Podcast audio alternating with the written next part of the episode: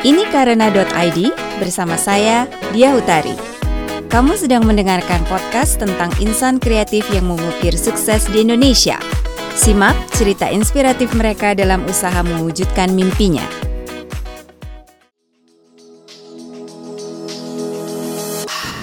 Beberapa waktu yang lalu, sempat ramai di media sosial gedung-gedung yang ditembak dengan karya seni visual. Ada di Monumen Nasional Jakarta, Gedung Sate Bandung, dan yang baru-baru ini ramai, Gedung KPK. Adi Panuntun adalah salah satu pionir video mapping di Indonesia. Simak obrolan saya di sini. Ini interview ke 173 ya kalau buat kamu mah. ini aduh udah nggak tahu kalau Google mah keluar banyak uh, referensi tentang Adi sama si sembilan mataharinya iya hmm. ya kebetulan memang karena apa yang kita kerjakan tidak banyak yang uh, melakukan atau ada keunikan secara apa ya hmm. uh, produknya sendiri hmm. service-nya gitu Oke. Okay. Jadi itu kalau menjadi, sorry kalau bedanya sama yang dilakukan oleh Isya itu karena dia lebih fokus ke ada bedanya nggak? Isya Hening uh, kenal ya? Ya. Pasti kenal kan? Ya Isya kan adik kelas saya di ITB. Dia oh. angkatan 2000, saya 99. Nah, sama-sama DKV. Hmm. Dulu juga Isya kan juga sempat bareng uh, apa? Jadi partner kita, kolaborator kita juga di beberapa project. Karena waktu dulu kan uh, apa uh, yang bisa di yang seperti ini tuh nggak banyak. Dan kebetulan dia juga uh, basicnya seorang VJ, VJ cewek yang mana juga uh, jarang gitu ya. Biasanya kan VJ uh, bukan VJ MTV ya Mbak ya, bukan Sarasa. Visual joki ya. Uh, uh. Dan uh, Isya lebih banyak uh, main di motion graphics terutama untuk implementasi di uh, backdrop panggung gitu ya uh, konser musik terus uh, apa ya uh, ya sebenarnya lebih banyak di live music uh, event gitu ya event nah sementara uh, kalau sembilan matahari sendiri uh, sejak awal memang uh, sejak awal tuh kita memang udah interest untuk kerja lintas disiplin. Jadi sebenarnya apa yang kita lihat dengan medium audiovisual ini, Mbak, bukan sebagai uh, media akhir ya. Uh, kita tuh justru menempatkan design approach kepada eksplorasi audiovisual. Sehingga kalau ngelihat uh, milestone perkembangan Sembilan Matahari, hmm. dulu tuh kita pernah membuat uh, film layar lebar, kita pernah membuat uh, apa video-video corporate, uh, video-video komersil gitu. Uh, sebelum kemudian kita menemukan video mapping, sebelum kemudian kita juga menemukan uh, how to design uh, more attractive user experience, visitor experience di museum dengan kita membangun diorama-diorama yang melibatkan teknologi multimedia, uh, lalu juga membuat immersive cinema atau bagaimana memproyeksikan uh, apa video mapping pada uh, ruang interior uh, secara keseluruhan. Jadi misal ini mirip seperti karyanya tim lab gitu ya. Jadi di situ kita sudah ada banyak uh, cross disiplin.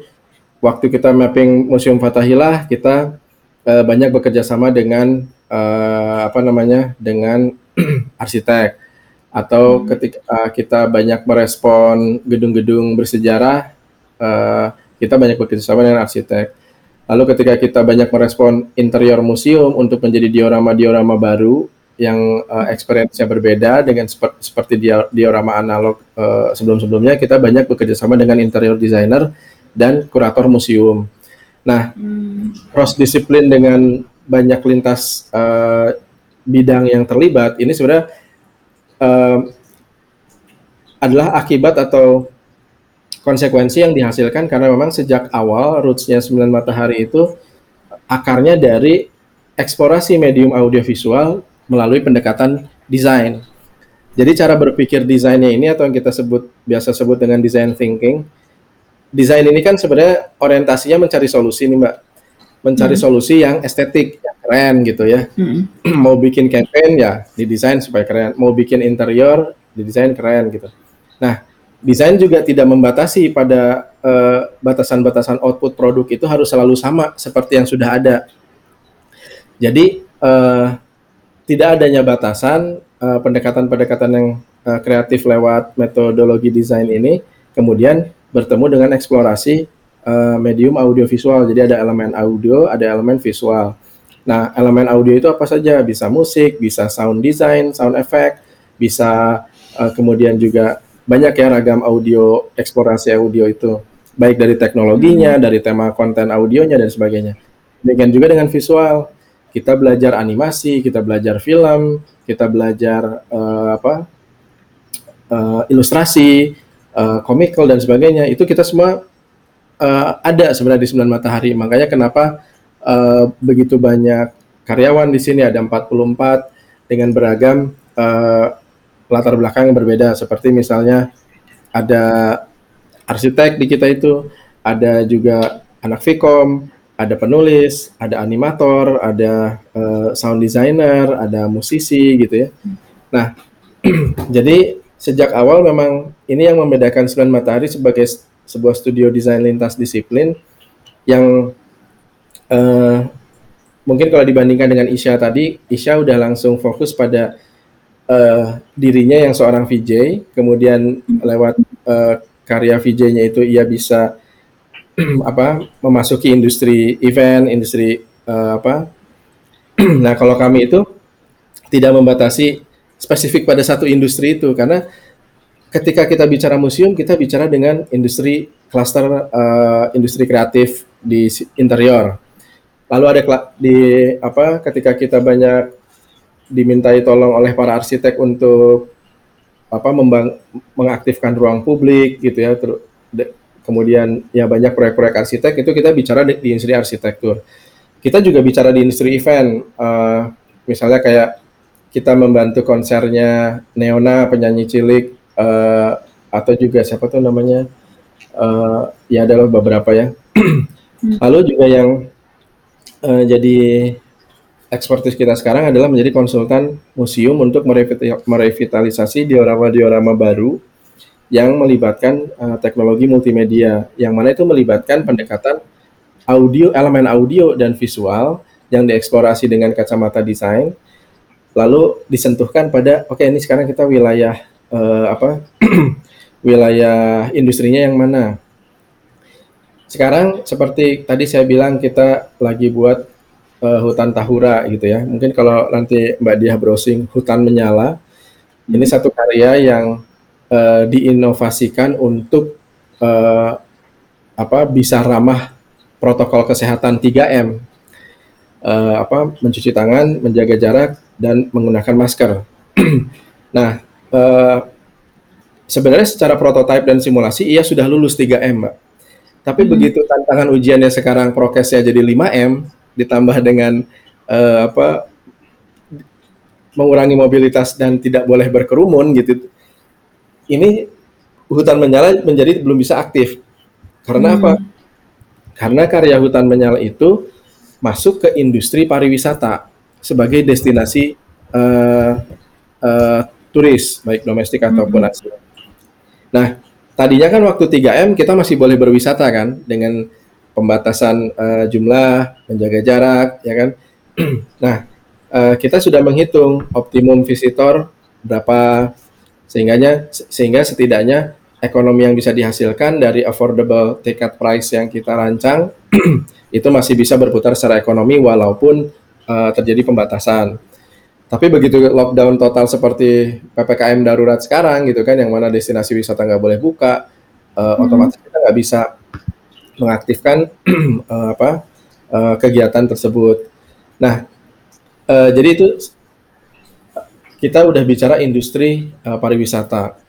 Tadi ada industri uh, desain, ada industri arsitektur, ada industri musik, ada industri kita juga hmm. untuk membantu uh, apa visualisasi dari syuting film, lalu juga kita hmm. jadi cross uh, cross industri ini banyak sekali. Nah, uh, ini yang ini yang menurut saya menjadi karakternya sembilan matahari dan memang jadi apa yang kita lakukan itu tidak spesifik berdiam pada satu industri saja klasternya. Tapi banyak. Jadi kalau ada 16 subsektor klasternya industri kreatif uh, kita itu sebenarnya bisa hampir masuk ke semuanya untuk dikawin silangkan bahkan dengan interior. Uh, eh sorry bahkan dengan kuliner maksudnya kuliner uh, fashion. Fashion aja contohnya. Kita uh, beberapa kali membantu uh, fashion fashion designer terkenal di Indonesia kan kayak Mas Bian terus ada hmm. siapa lagi ya Mas? Siapa tuh yang di aduh kok lupa namanya tiba-tiba yang karya batiknya itu pokoknya bagus lah. Nah itu kita buatkan fashion show-nya itu dengan video mapping yang uh, apa lebih bisa bicara kon, uh, apa mengemuka dengan konsepnya si fashion designernya gitu. Kalau profesi kamu yang seperti yang kamu jelaskan itu judulnya apa? nah, ini yang menarik, Mbak. Jadi saya juga kalau ditanya uh, sebagai lulusan DKV gitu ya, hmm. jadi uh, kamu tuh apa? Nah, saya pun mencari-cari ini sebenarnya Mbak Dia yang saya baru bisa temukan kalau benchmark dengan luar negeri tentunya harus benchmarknya ke luar negeri karena di level nasional kan uh, belum begitu banyak. Hmm. Uh, di luar negeri itu ada studio-studio seperti Team Labs di Jepang, kemudian ada Moment Factory di Kanada, lalu hmm. ada Obscura Digital di uh, New York, lalu hmm. ada beberapa nama terkenal yang uh, ada di dunia ya. Nah, kalau saya melihat kepada mereka juga, sebenarnya mereka juga redefining terus terhadap uh, apa uh, ininya karena seiring dengan kreativitas karakter kita itu kan gini, kreativitas kita itu uh, berjalan seiring bersama uh, perkembangan teknologinya. Hmm. Jadi eksplorasi kreativitas kita itu sangat dipengaruhi oleh bagaimana teknologi informasi atau teknologi audio dan teknologi visual yang mana itu memang uh, apa percepatan pergerakannya cepat sekali gitu ya itu uh, bergulir terus sehingga ketika katakan so, dulu seorang sutradara harus membuat film itu dengan kamera pita celluloid sekarang kan dengan HP saja udah bisa hmm. kami membuat video mapping kalau dulu harus pakai proyektor yang uh, apa uh, tidak mungkin menggunakan proyektor untuk menembak gedung yang besar-besar, sekarang menjadi sangat mungkin gitu. Terus hmm. misalnya dulu saya ketika membuat film layar lebar, Mbak, saya pernah bikin judul filmnya itu Cinta, C I N dalam kurung T besar A. Nah, itu sempat dapat Piala Citra juga, Mbak, naskah terbaik. Hmm. nah, menang di apa di GFest juga jadi film favorit. Film itu uh, dulu saya uh, apa ya? mendirect itu eh, sorry sutradara saya mendirect uh, talent-talent seperti bagaimana skema film uh, produksinya kita buat gitu ya. Begitu melihat ke video mapping, sebenarnya video mapping ini juga ada peran sutradara. Tapi bedanya hmm. video mapping itu si sutradara juga harus punya pemahaman kontur uh, bentuk fasad arsitektur dari si bangunan. Yang artinya sutradara ini tidak hanya mendirect uh, talent-talent aktor dan aktris, tapi juga ia harus punya pemahaman arsitektur. Bisa juga kita membuat syuting film yang kemudian diproyeksikan ke gedung sehingga nanti adegannya menjadi merespon bentuknya si gedung. Misalnya talentnya muncul di jendela seolah-olah atau mm -hmm. kemudian keluar dari pintu gitu ya dan dipadukan dengan animasi. Nah ini membuat uh, kompleksitas apa yang kita kerjakan sebenarnya memang menjadi semakin kompleks, tapi di balik kompleksitas itu uh, ada keahlian-keahlian yang kita perlu mengetahui garis besarnya, sebagian harus direduksi, uh, tidak harus terlalu tahu sampai ke detailnya karena kita tidak perlu terlalu mengangkat uh, hal tersebut. Uh, tapi secara keseluruhan directing video mapping ini mirip seperti film walaupun uh, berbeda. Nah, ketika kita misalnya ngomong, kamu sebagai sutradara video mapping, nah itu tuh juga agak aneh kalau didengarkan sutradara video mapping kalau sutradara film mungkin enggak ya Mbak ya, karena sutradara film. nah, jadi seperti Udah itu. tahu ya. Uh, uh, kalau misalnya disebut sebagai uh, desainer, bisa sebagai desainer karena kami merancang uh, teknologi multimedia ini sedemikian rupa sehingga kon, uh, konteks yang relevan dengan konsep kreatif atau konten yang kita buat. uh, misalnya kita merancang diorama Museum Bank Indonesia. Uh, di Bank Indonesia itu ada satu ruangan indoor heritage yang dindingnya nggak boleh kita ubah-ubah, lantainya juga sama tidak boleh diubah-ubah. Kita nggak boleh meng, uh, apa, tidak boleh melakukan perubahan fisik lah karena itu gedung heritage. Maka diorama apa yang bisa kita bangun di situ? Akhirnya yang kita lakukan adalah membuat uh, kubus uh, sebagai dinding dan ruang tambahan yang menutupi dinding dan lantai aslinya. Lalu dinding kubus itu kita proyeksikan uh, lantai, dinding kiri, kanan, dan depan dengan proyeksi yang sambung menyambung jadi satu. Hmm. Nah, ketika itu dibuat, uh, terjadi satu pengalaman menonton film yang tidak biasa. Pada awalnya itu kan uh, Museum Bank Indonesia meminta supaya kita membuat satu uh, film dokumenter yang mengangkat tentang bagaimana sejarah uh, gedung museum ini dipelihara oleh oleh Bank Indonesia bahkan dijadikan sebagai museum. Nah, ketika sebuah film membicarakan sebuah gedung itu berarti sebuah film dokumenter dari sisi arsitektur. uh, kita coba mengangkat cara menontonnya sudah melibatkan apa yang menjadi keahlian arsitek itu sendiri, yaitu apa merancang ruang. Jadi pengalaman berada di dalam ruang kita hadirkan di dalam uh, ruang ter, ruang sinema tersebut. Hmm. Di sana itu Mbak, Mbak nontonnya berdiri, uh, kaki Mbak ngelihat proyeksi, uh, depan kiri kanan melihat proyeksi. Jadi tidak hanya layar depan saja gitu. Hmm. Dan kita duduk yang membuat seolah antara uh, apa penonton dan film menjadi terpisah. Kita memang menjadi objek pasif hanya menonton film. Dan ini menjadi seolah uh, objek pas aktif dan seperti kayak layar IMAX atau uh, apa ya IMAX ya atau 3D 4D experience itu perspektifnya hmm. jadi lebih terasa. Nah ini menjadi hmm. hal baru dalam architectural presentation menggunakan uh, dokumentari film gitu. Kemarin juga waktu menyaksikan langsung hasilnya, direktur uh, komunikasinya Bank Indonesia kan juga, wah, memang beda ya ini gini. Uh, rasanya uh, akhirnya itu membuat karena unique experience dari cara menikmatinya menjadi andalan buat Museum Bank Indonesia ketika menerima tamu penting ya dihadirkan dihadirkannya ke situ karena itu seolah-olah menjadi sesuatu yang tidak biasa dan akhirnya menjadi sesuatu yang cukup identik atau menjadi identitas bagi Museum Bank Indonesia gitu. Hmm.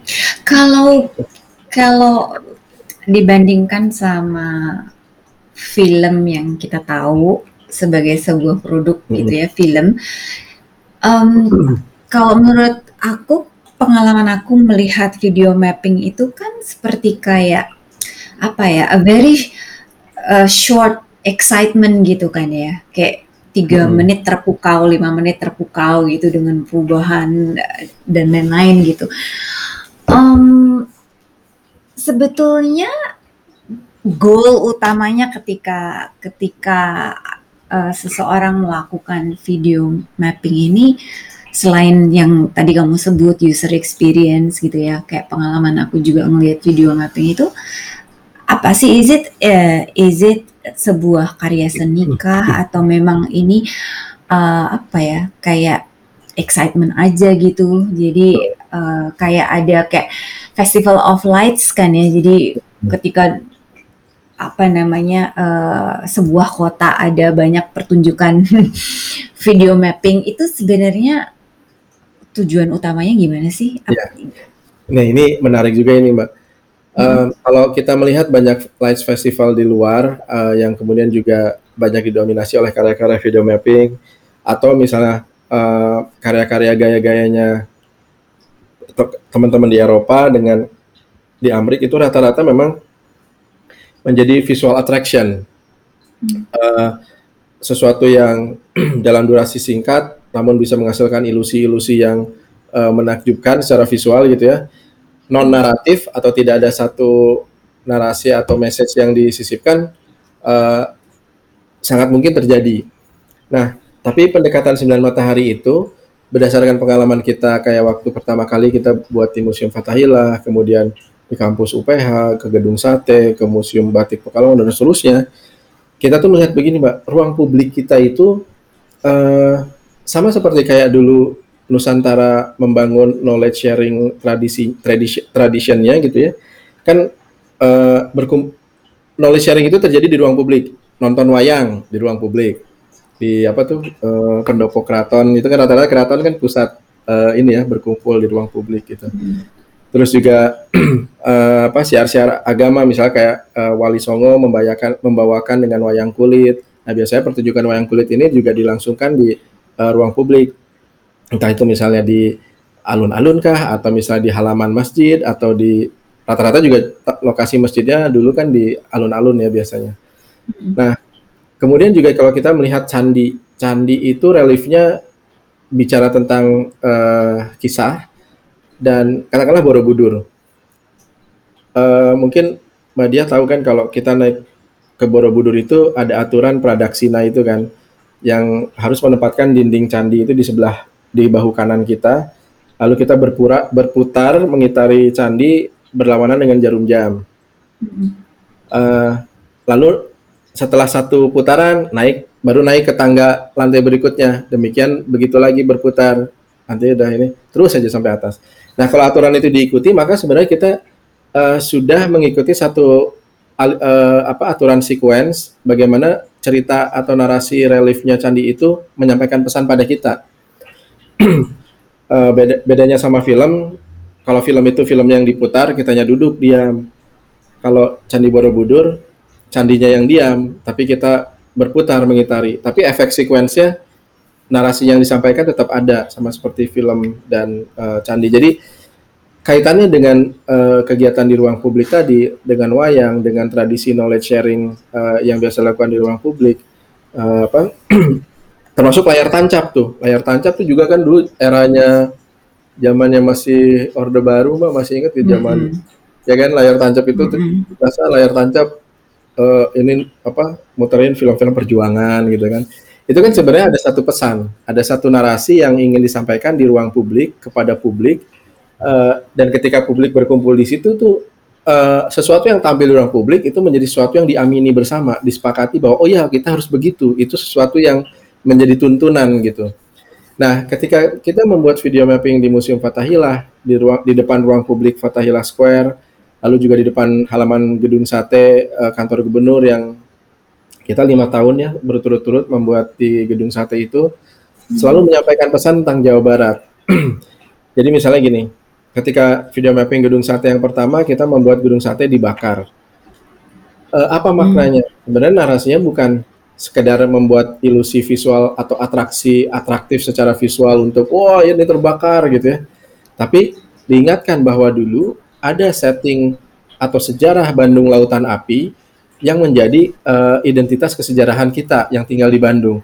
Walaupun saat itu gedung sate tidak menjadi bagian yang dibakar, tapi dengan ilusi visual kita membakar gedung sate menjadi seolah benar-benar terbakar, itu tuh menyentuh uh, emosi penonton, terutama warga Bandung yang punya apa uh, cerita itu dari sejak dulu merasakan kebayangnya dulu kalau sekota-kota itu dibakar demi uh, apa tidak rela karena apa ya kota ini direbut sama penjajah. Jadi mendingan kalaupun penjajah mau ngambil mari kita bakar saja biar dia juga eh, nggak uh, untung gitu.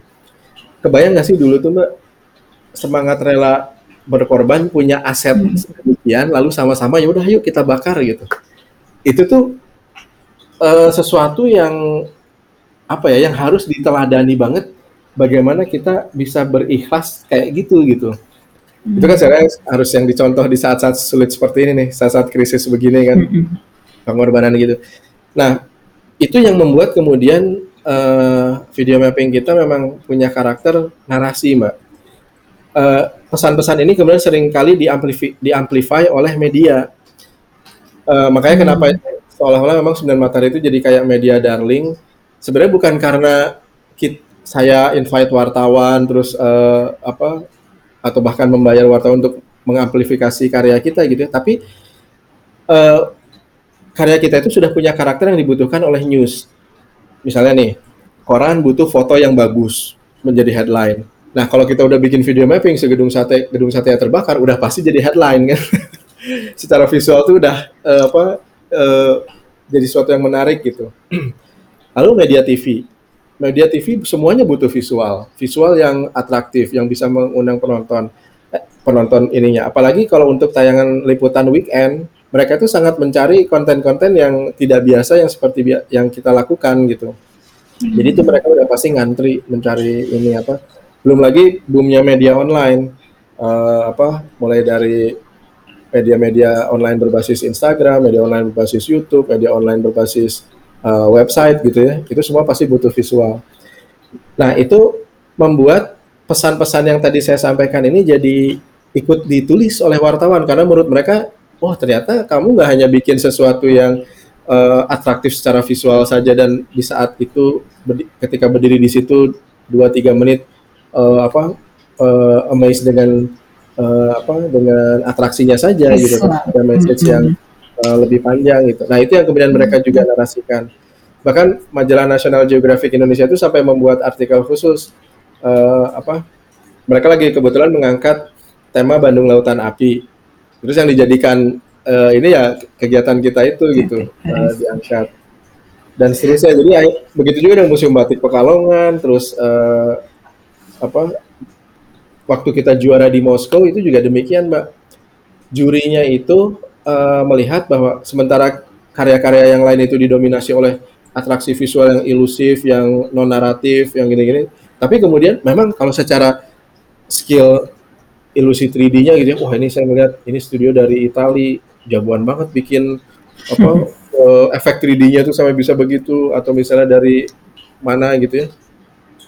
Nah, uh, tapi kita punya tapi ketika semua studio kemudian menjadi pesertanya menjadi rata-rata uh, apa gayanya seperti itu untuk sebuah kompetisi, kita yang muncul dengan satu narasi dan diiringi dengan uh, instrumen musik Nusantara yang mythical ya yang yang kayak misalnya kita tuh memadukan suara angklung, suara karinding, suara suling uh, apa bambu gaya-gaya Sunda gitu. Pokoknya pentatonis gitu Mbak ya. Hmm. Alat-alat pukul pentatonis digabung di mix jadi satu komposisi musik. Tapi komposisi musik ini tidak tergen, tidak terdengar tradisif gitu mbak. Apa istilahnya tradisif? Terlalu terlalu terlalu tradisional. ya, ya. Terdengarnya modern, kayak top 40 aja. Jadi easy listening buat uh, apa orang-orang Eropa gitu. Nah, orang-orang Eropa itu begitu mendengarkan musik kita, loh, ini kok musiknya enak, mereka air catchy, tapi kok instrumen ini uh, F, apa instrumen ini kok kayak belum pernah uh, mereka dengar gitu. Nah itu membuat engagement yang uh, sambil dipadu dengan narasi kita menghadirkan batik menyelimuti si gedung arsitekturnya dia yang dia banggakan itu gedung arsitekturnya itu kita motifin batik lalu kita buat jadi berubah menjadi fasad candi uh, ini apa candi sama kita bikin candi apa ya di situ ya sama uh, kita selimuti bambu berubah menjadi angklung untuk mengantarkan suara si angklungnya gitu segede-gede ini gitu ya. nah jadi di situ tuh mereka melihat uh, bagaimana kita bermain-main dengan eksplorasi kreativitas tidak hanya mengandalkan kemampuan software uh, special effect, visual effect atau itu gitu ya untuk menjadi uh, berlomba dalam kompetisi jago-jagoan bikin ilusif gitu. Nah, hmm. tapi kita juga menggali sesuatu yang lebih dalam. Sesuatu hmm. yang menurut saya kan gini, ketika kita ikut kompetisi internasional, misinya selalu silaturahmi. Ini momen untuk kita me memamerkan what we got di Nusantara uh, apa kepada audiens dunia gitu kan. Hmm. Jadi saya waktu itu idenya udah gini aja, gimana caranya kita mengangkat tiga World Heritage yang dipercayakan kepada Indonesia, yaitu apa? Batik, uh, candi dan angklung.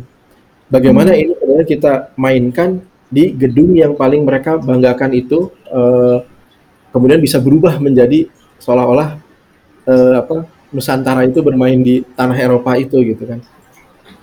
kan kalau kita ini uh, Mbak Dia waktu di masih di Indonesia kan pasti ingat ya gedung-gedung landmark arsitektur kita itu kebanyakan uh, coba Lawang Sewu di apa mana gedung sate di Bandung uh, hmm. Istana Negara Istana Bogor itu semua sentuhan arsitek Barat Eropa bukan sih? Hmm. kan? Hmm. Itu yang menjadi landmark kebanyakan dan itu bertahan. Itu mempengaruhi sejarah dan historis uh, identitas uh, budaya kita juga. Nah, ketika saya bikin video mapping di Moskow atau di Berlin atau di mana di mana, ini kesempatan saya serang balik dalam tanda kutip ya, bukan serang hmm. ya ini gitu.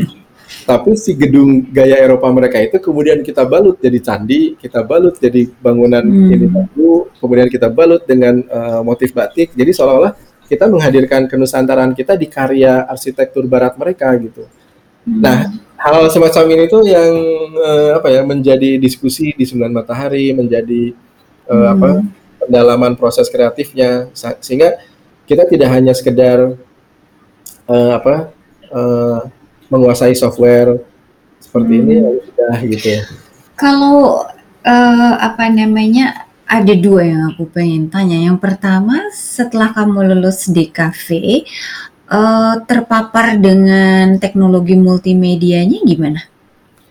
Nah itu tuh udah dari kecil bahkan dari SD saya masih ingat SD kelas 3 ini hmm. pengalaman yang pernah saya lupa jadi makanya uh, teman-teman yang dengar saya cerita ya uh, coba gali deh pengalaman-pengalaman waktu kecil yang nggak kamu lupain itu mungkin bakal menjadi the most uh, powerful influence for your future life. Hmm. Jadi saya itu ini mbak saya itu anaknya nggak uh, suka tidur siang. Ini turun ke anak saya sih sebenarnya sekarang. anak saya paling susah disuruh tidur siang. Jadi ketika uh, orang tua saya minta saya tidur siang waktu itu, yang saya lakukan adalah tidak mendebatnya, tapi masuk ke kamar dan eh, pura-pura tidur, merem. Nanti kan kalau udah merem ditinggal tuh kan, di, uh, pintu kamarnya ditutup. Jadi saya sendirian di kamar. Nah, ketika pintu kamar ditutup, ini uh, aksi saya langsung saya melek lagi, saya bangun Lalu saya buka laci, saya udah siapin di uh, beberapa uh, jadi dulu tuh kan kalau anak kecil suka bikin meja belajar meja belajaran gitulah kayak ada satu tempat yang nah saya saya naruh kaca pembesar uh, kertas kemudian beberapa alat gambar yang memang dari dulu saya sudah suka gambar gitu ya nah biasanya pada saat tidur siang ini kan matahari lagi uh, terang di jendela kalau mbak pernah melakukan awal itu saya tertarik gara-gara apa? Gara-gara saya refleksi. Ya, pertama refleksi di jendela itu menghadirkan uh, sesuatu. Jadi kayak hologram, seolah-olah kita ngelihat bayangan di luar, tapi eh kita ngeliat di dalam, padahal itu di luar gitu kan karena terpantul. Terus juga jendela kamar uh, saya kecil dulu tuh ada ini warna-warninya mbak apa sih namanya itu ya yang membuat kalau cahaya masuk tuh jadi si warna-warninya jadi di tembok itu terproyeksi gitu Hmm. Nah, saya itu selalu salut dengan eh selalu kagum dengan hal, -hal semacam itu. Sampai ke, tadi saya bilang saya bawa loop kaca pembesar. Karena saya baca di salah satu buku uh, ilmu pengetahuan populer, prinsipnya kamera itu adalah kan menempatkan pada jarak tertentu beberapa lensa untuk kemudian diproyeksikan pada kertas putih atau layar gitu kan. Nah, saya itu hmm. melakukan itu dengan kaca loop itu. Jendela sebagai uh, kaca satu, loop sebagai kaca dua, lalu ada uh, layar uh, kertas putih itu. Nah, saya bisa memproyeksikan gambar berwarna tapi terbalik dari jendela yang saya lihat gitu. Begitu ada kucing lewat atau ada burung uh, hinggap gitu ya di pohon di dekat situ, tertangkap semua gambarnya di kertasnya. Saya bikin cerita hmm. di situ, ngedongeng aja sendiri. Ini ceritanya gini gini gini. Dan sambil saya mikir, ini kenapa bisa begini ya? Uh, kok ini ke, jadi kebalik? tapi gambarnya mirip banget sama yang di luar bisa tertangkap gitu yang akhirnya itu menghantar saya pada saya ini anak seni yang senang sama pelajaran fisika sebenarnya mbak karena fisika hmm. itu ngebedah lensa ngebedah uh, titik jatuhnya cahaya deviasi cahaya difraksi dan sebagainya itu sebenarnya semuanya adalah bahan bahan dasar ketika kita eh ketika saya sekarang tertarik dengan uh, mekanisme proyeksi visual, baik itu teknologi digital, teknologi analog, kamera untuk buat film, itu semua kan dari situ. Hmm. Nah, secara nggak secara nggak sadar juga audio ketika saya menarasikan satu cerita selalu di, diiringi dengan vis, uh, sound effect. Kan kalau cerita kan juga gitu ngedongengnya hmm. ada suara gitu. Nah, itu tuh mengenalkan theater in mind dan imajinasi yang kok ini seru banget nih tidur siang saya tuh jadi seru banget gitu. Hmm. saatnya udah harus pura-pura tidur lagi karena nanti pasti akan di, seolah-olah dibangunkan atau biasanya sih saya seringnya pura-pura kayak bangun tidur langsung keluar aja dari pintu kamar kalau udah lama udah dirasa cukup gitu. Padahal sebenarnya nggak tidur. Nah itu yang yang mempengaruhi signifikan banget. Akhirnya oh kenapa saya memberanikan diri membuat studio sembilan matahari? Kenapa saya dengan segala perhitungan uh, resikonya uh, apa memilih ini menjadi apa masa depan gitu masa sekarang dan masa depan. Oh ya saya itu membangun sembilan matahari bareng sama adik saya mbak. Namanya hmm. Dia itu backgroundnya kalau saya seni desain dia itu scientist dia itu science. Hmm. di ITB juga sama tapi dia di jalur uh, fakultas MIPA nah ini juga menarik. Walaupun dia seorang science tapi dia itu yang basicnya science tapi dia itu menyenangi film. Dia menyenang dia menyenangi gambar. Bahkan gambarnya jauh lebih bagus daripada saya. Dia lebih eh, apa lebih kalau di di di apa dijajarkan gitu udah pasti saya kalah lah.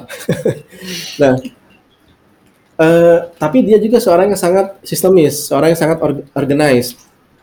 Uh, dia dia sangat uh, going into detail gitu. Sementara saya orangnya cenderung meletup-letup, uh, lebih uh, garis besar gitu ya, lebih bigger picture, lebih imajinatif gitu. Tapi saya itu lemah di detail, lemah di ya gitu-gitu lah. Nah akhirnya perbedaan karakter ini yang membuat kita membangun entrepreneurship di Sembilan Matahari malah menjadi lebih orga, apa uh, organize gitu. Di satu sisi ketika saya taking risk, dia mampu melakukan manajemen risknya ketika hmm. Saya ini dan itu ya akhirnya secara ini saya punya imajinasi dia punya struktur dan konstruksinya misalnya gitu-gitu. Uh, itu yang menjadi betul menjadi apa perpaduan yang baik sekali. Sehingga dengan latar belakang perbedaan kita berdua ini yang walaupun dulu waktu kecil sering berantem tapi begitu uh, masuk ke masa puber remaja kita melihat sih oh ternyata kita tuh bisa saling melengkapi malah gitu dengan perbedaan-perbedaan ini. Ke bawah terus sampai lulus kuliah dua-duanya. Hmm. jadi akhirnya oh, udah kita bikin ini uh, bikin sembilan matahari ini. Uh, mau jadi mau jadi apa kita? Ya udah kita ngelakuin apa yang kita suka aja ini. Karena saya waktu itu berpikir ini mak kalau saya apply ke Jakarta tidak ada satupun tempat di Jakarta yang menarik perhatian saya untuk saya bisa melakukan apa yang ingin saya lakukan ini. Wah, kurang lebih begitu, Mbak. Jadi orang tua bangga dong ini dua anak akur. Bangga. Sekarang, Mbak. Dulu sebenarnya ketar-ketir, khawatir banget. Jalur kehidupan yang kita pilih ini gitu. Karena saya mau masuk seni rupa ITB aja itu udah sesuatu yang sangat mengganggu pikiran orang tua saya. Saya sebenarnya udah udah diterima jadi mahasiswa ekonomi studi pembangunan di Unpad. Hmm. Kalau adik saya karena lebih pintar, dia langsung masuk ITB duluan. Nah, baru di tahun berikutnya saya mencoba masuk ITB, uh, eh, mencoba lagi masuk FSRD, karena di tahun pertama gagal. Ya alhamdulillahnya uh, apa dapat. Oh ya saya itu di Unpadnya udah udah jalan semester lima. Oh, nah. semester ya. lima. Mm -mm. Jadi udah tingkat tiga awal. Nah, oh, wow. Uh, apa? Terus masuk ITB. uh, eh, jadi orang tua tuh tadinya kayak akhirnya syaratnya gini, kamu selesaikan dua-duanya kalau mau gitu kan.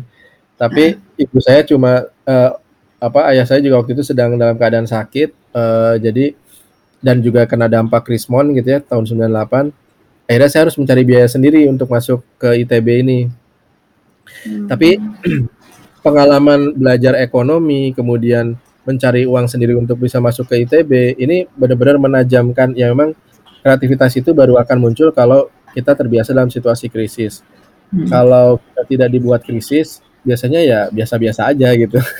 Hmm. Jadi mencari solusi dalam uh, bagaimana memadukan apa yang kita miliki untuk jadi bisa potensi uh, yang menolong kita juga.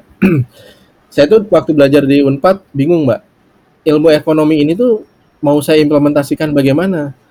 Tapi begitu saya masuk seni rupa ITB, saya langsung teringat semua pelajaran yang di Unpad itu oh hmm. ternyata ekonomi itu bisa dibuat untuk begini-begini yang kemudian itu mungkin cikal bakal uh, School of Business and Management ada di kampus ITB gitu ya. Hmm. Jadi persilangan itulah yang membuat objek yang saya explore menjadi bisa saya monetize. Uh, kemudian saya juga mengetahui bagaimana cara memonetize objek yang saya ekspor ini. Nah, kalau kita hanya belajar uh, eksplorasi kreatif dari produk saja, tapi kita tidak belajar tentang monetizing atau uh, entrepreneurship ya kan atau kemampuan hmm. untuk merancang ekonominya gitu. Hmm. Menurut saya itu bekal yang sangat kurang untuk seorang entrepreneur. Hmm. Jadi ke ketidaklancaran skenario-skenario yang saya rasakan itu sebenarnya adalah suatu kelancaran yang Allah berikan untuk saya bisa punya bekal.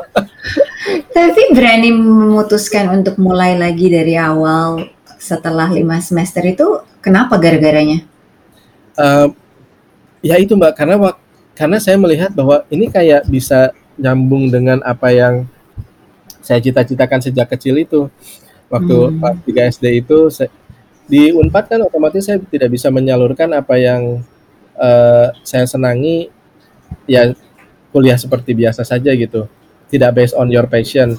Kamu perlu itu tapi oke okay, perlu saja tapi tidak sampai passion.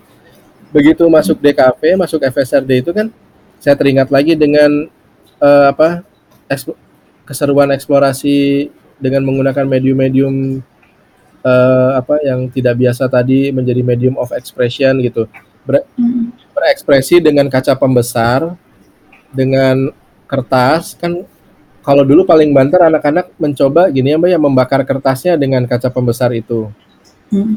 supaya ada titik api matahari itu kan yang tapi hmm. yang saya lakukan justru dengan perangkat fisika itu saya membuat cerita saya membuat satu pertunjukan untuk diri saya sendiri aja gitu berarti hmm. saya itu menggunakan alat-alat ini menjadi medium of expression satu pendekatan yang tidak biasa uh, kalau apa ya kan pasti sekolah mengajarkannya oh ada loop ada ini oh kamu nah gitulah jadi ketika di seni rupa itu hal-hal semacam itu sangat terfasilitasi karena mata kuliahnya kan eksperimen kreatif gitu. Terus uh, apa dan juga sistem penilaiannya di seni rupa itu kan gini. Kalau kamu sama sama yang lain, berarti nilai kamu dibagi sama yang lain gitu. Kalau kamu berbeda, ya kan, uh, maka kamu uh, nilainya bisa kamu borong sendiri. Uh, yang yang kontradiktif kan gini. Kalau biasanya dari sejak SD, SMP, SMA sampai kuliah di Unpad tuh, kalau jawaban kamu A, eh gini, kalau jawaban yang benar adalah A, maka sudah pasti B salah, kan gitu. Hmm. Berupa desain, kalau kalau jawaban kamu A dan dia B, belum tentu kamu benar, belum tentu dia salah, kan gitu mbak. Hmm. itu kan, gitu. Nah itu tuh benar-benar kayak, uh, iya iya, itu yang ngebuka banget, ngebuka uh, perspektif berpikir saya menjadi uh, sudah sudah sangat dibiasakan untuk out of the box, untuk uh, tidak sama dengan yang lain sehingga sangat wajar ketika anak-anak seni rupa itu jauh lebih inklusif karena mereka memang kita menghindari penyeragaman kalau seragam hmm. malah kalau semua bikin karyanya A semua sama semua kan jadi nggak ada nilai inovasi nggak ada nilai keunggulan pembeda uh, atau apa kalau sekarang di teori branding itu kan uh, positioning differentiation itu yang menentukan brand kamu gitu Hmm. Kalau kamu sama dengan yang lain, positioning dan uh, differentiation kamu value-nya rendah. Udah pasti produk kamu nggak akan stand out gitu. Hmm. itu kayak. Tapi uh, apa namanya um, proses kreatifnya sendiri gimana? Kalau proses kreatif, tadi uh, kamu dengan uh, adik kamu dengan background yang berbeda, terus sekarang juga ada 40 orang dengan uh, apa namanya uh, bidang yang beda-beda juga gitu. Hmm. Let's say ada satu project untuk mapping si Bank Indonesia tadi. Proses kreatifnya diawali dari apa? Uh, itu tuh selalu biasanya gini, Mbak. Uh, kalau kita di kantor uh, mengadopsi metodologi design thinking. Uh, hmm. Ini memang pelajaran S2 sih design thinking ini. Tapi hmm. sekarang udah mulai dikenalkan di S1. uh, intinya design thinking itu ada beberapa langkah. Pertama adalah proses berempati. Kemudian dari empati itu uh, kita anak uh, apa? Empati kemudian sebelum kita brainstorm itu ada analitis dulu. Jadi uh, lalu ada prototyping, lalu kita lakukan tes terhadap prototipe itu lalu mengulang prosesnya dari awal lagi. Hmm. nah ini sudah bisa di browsing ini ya. Nah uh, jadi kita selalu mengedepankan empati dulu mbak. Mem proses itu selalu begitu di awal. Dan kita nggak selalu langsung percaya sama klien brief kalau memang itu datang dari klien briefnya ya. Jadi misalnya klien datang, oh kita pengen gini gini gini. Nah itu kita tampung dulu. Lalu kita berempati pada uh, apa hidden hidden needs dari si hidden needs dari uh, si klien. Uh, biasanya hidden itu muncul ketika dia bercerita, uh, kita biarkan aja dia bercerita dan kita nggak terlalu gubris poin-poin yang udah dia tulis sebagai brief gitu. Tapi emang kita ngobrol aja kita ngeliat dia gitu kan, sambil survei ke tempat lokasinya. Contohnya Museum Bank Indonesia. Awal kebutuhannya bikin film dokumenter atau film profile dari apa upaya mereka mengkonservasi gedung heritage itu menjadi museum gitu kan. Itu sebuah penghormatan kan bagi gedung heritage dijadikan sebuah museum. Nah uh, kalau saya bawakan konten seserius itu atau se sejarah itu apalagi dengan uh, apa teori-teori arsitektur yang berat-berat gitu ya. Hanya sebagai sebuah film yang nontonnya duduk dan uh, pasti ngantuk mbak gitu. Hmm. uh, tapi kita tahu bahwa sebenarnya Pak Direktur Komunikasinya BI ini pengen banget itu tuh menjadi sesuatu yang entertaining, muatan yang berat itu. Lalu ya udah kita usulkan dengan begini, Pak, bagaimana jika uh, cara menontonnya kita buat berbeda? Kontennya ini saya setuju, gitu ya. Jadi kita konten setuju, hmm. tapi cara nontonnya mungkin kita nggak akan bikin film dokumenter yang bapak Max, uh, bapak bayangkan gitu oh dia tuh kayak kayaknya ini baru ada agensi atau studio yang tiba-tiba datang terus kok malah protes sama yang, di, yang diberikan gitu ya. Hmm. Jadi akhirnya kita coba eh, minta waktu tambahan untuk membuat satu prototipe atau simulasi dari apa yang kita idekan itu, lalu disimulasikan ke uh, apa uh, Pak Pak Direktur Komunikasinya, terus dia mulai menangkap, oh begini ya yang di. Nah, dari proses empati kemudian uh, kita menganalitis tadi ya dengan membaca uh, dan lalu membreakdown problemnya dia. Oh dia begini.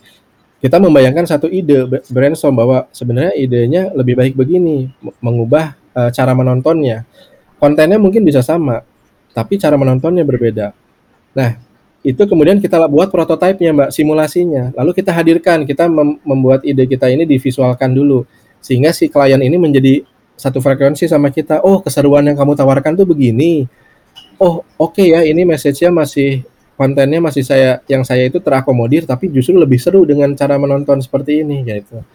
Nah, proses itu sebenarnya yang biasanya kita lakukan terus uh, di apa di Sembilan Matahari uh, tidak semuanya selalu lancar uh, karena juga itu tergantung dari uh, apa tim leader, kemudian juga tergantung dari kliennya sendiri, tergantung dari situasi uh, apa proyeknya sendiri misalnya kayak apakah ada kendala timeline, apakah ada kendala budget atau ada uh, apa hal-hal yang uh, konstruktif dan non konstruktif gitu bagi proses kreatifnya berlangsung. Tapi rata-rata seperti itu sih prosesnya hmm. berlangsungnya untuk apa pun hmm. baik yang berbasis klien maupun yang memang proyek yang kita buat sendiri kayak si hmm. hutan menyala kemudian ntar mbak dia browsing hutan menyala ya atau hmm. di Instagramnya Sembilan Matahari atau Instagramnya hutan menyala itu ada juga Hmm. Atau kalau ini nanti itu di Mall PVJ yang juga sekarang kita redesign untuk menjadi virtual production buat event-event yang tadinya hanya sebagai sebagai digital art space untuk mem, apa, memamerkan hanya karya-karya sembilan matahari gitu ya. Orang bayar tiket masuk melihat-lihat gitu. Hmm. seperti lab gitu ya. Nah sekarang justru kita mainkan menjadi uh, uh, cross collaborators uh, sorry cross creators. Jadi misalnya nih teman kita kemarin ada da, uh, Darbots. Darbots biasa bikin mural graffiti static dia diam di dinding uh, ini gitu ya hmm. nah kita ajak ke situ. Nah dindingnya berubah menjadi digital. Jadi mural statiknya dia menjadi bergerak di situ. Hmm. nah cross creators ini kemudian menghasilkan experience yang seru. Oh penggemarnya Darbots biasa yang ngelihat karyanya dia diam sekarang bisa bergerak gitu ya. Mereka beli tiket nonton gitu. Jadi ada persilangan. Terus musisi band metal asal Bandung Burger Kill yang udah terkenal di dunia tuh di apa bangsa metal dunia uh, mereka kemarin mau merayakan 25 tahun uh, berkarya gitu kan. Udah langsung kita buat si digital art space kita itu menjadi panggungnya dia secara virtual. Jadi wah dia manggung dengan segala macam full effect yang kita hadirkan. Tema-tema band metal gitu wah itu heboh penontonnya sampai servernya mau down gara-gara oh. uh, saran uh, dengan gaya konser barunya itu nah cross creators ini menghasilkan peluang-peluang baru buat hmm, apa namanya si digital art space yang sekarang kita sebut sebagai digital art platform karena hmm. uh, artnya bisa digunakan oleh uh, apa sesama kreator lainnya untuk berkolaborasi dengan Sembilan Matahari dan menciptakan uh, karya experience yang baru gitu. Hmm. Kamu nggak mau keluar dari Bandung ya? Melakukan ini nggak perlu pindah dengan mungkin tempat yang teknologinya lebih gimana gimana gitu nggak? Nggak perlu? Menurut saya sih nggak perlu sih mbak. Jadi hmm. kita melihat bahwa justru apalagi sekarang dengan dipus oleh pandemi ini kita semakin terbiasa dengan uh, bekerja uh, remote gitu ya. Uh, sebenarnya kan dari 44 karyawan Sembilan Matahari itu Mbak tidak semuanya bekerja di, di kantor tumplek di kantor. I Jadi see. ada di Jakarta, ada ibu rumah tak merangkap sebagai ibu rumah tangga bekerja dengan online gitu. Hmm. Ada yang dosen juga bekerja dengan online. Nah, oh. ini kita ya jadi kita melihat bahkan kita juga sering beberapa kali membuat proyek-proyek di yang lokasinya di luar negeri itu kita kerjakan dengan uh, lakukan di sini malah eh, tetap nyaman. Hmm. Jakarta sendiri sebenarnya tim yang tim yang ready adalah tim lapangan atau tim uh, project manager dan uh, apa uh, creative director. Ini fungsinya yang untuk uh, langsung bertemu, gitu ya. Uh, uh, atau bertemu klien langsung, terus hmm. atau survei di ya gitu banyak hal semacam itulah yang dilakukan.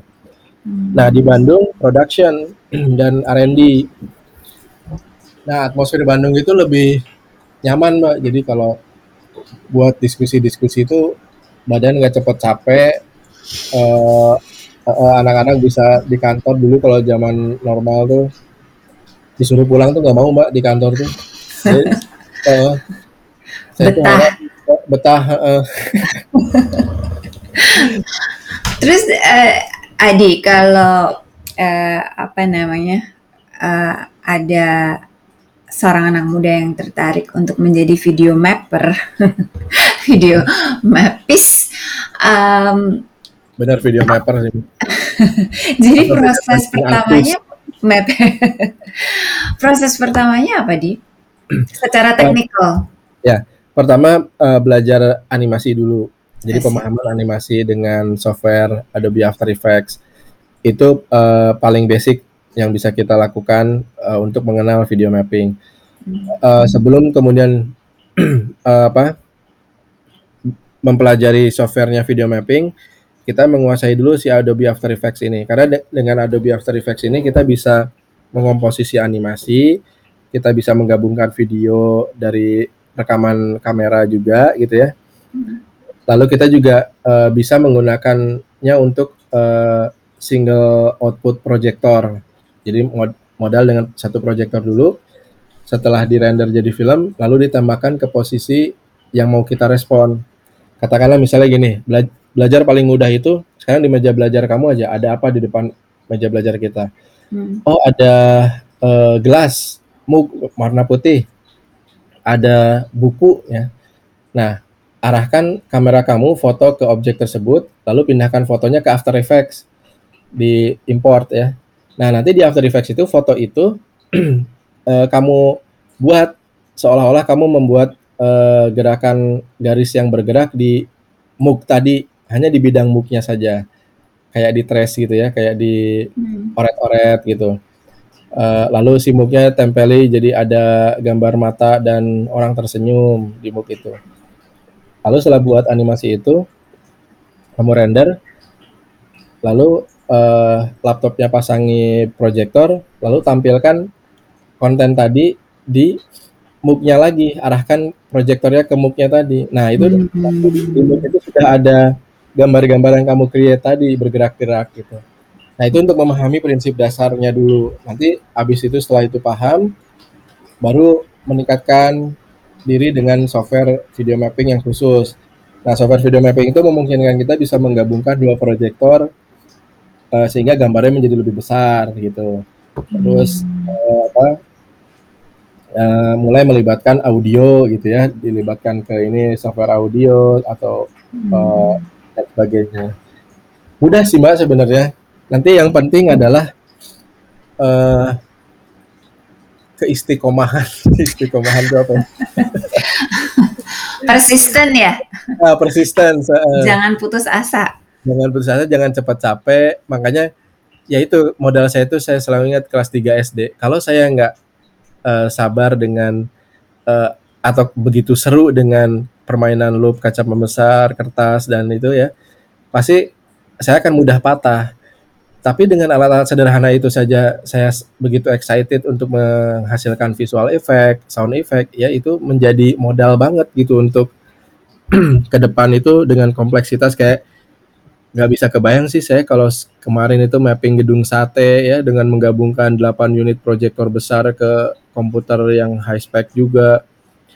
Terus uh, Candi Prambanan kita mapping dengan 18 unit proyektor yang tergabung menjadi satu dengan jarak front of house kita itu satu setengah kilometer dari fasadnya gedung eh fasadnya candi gitu ya itu tuh waduh sakit kepala mbak itu kalau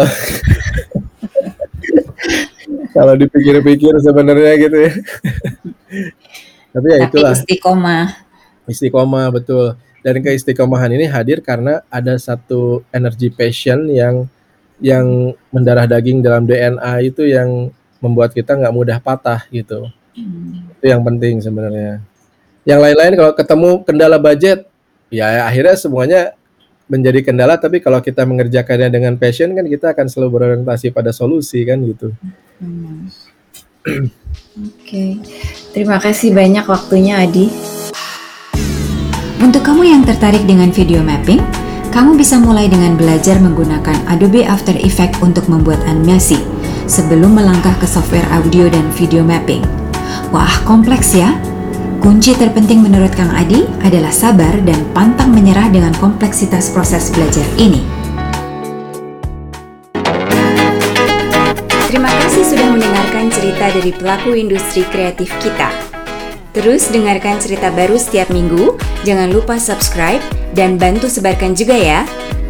Jika kamu ingin tahu cara memulai bisnis, yuk kunjungin www.karena.id.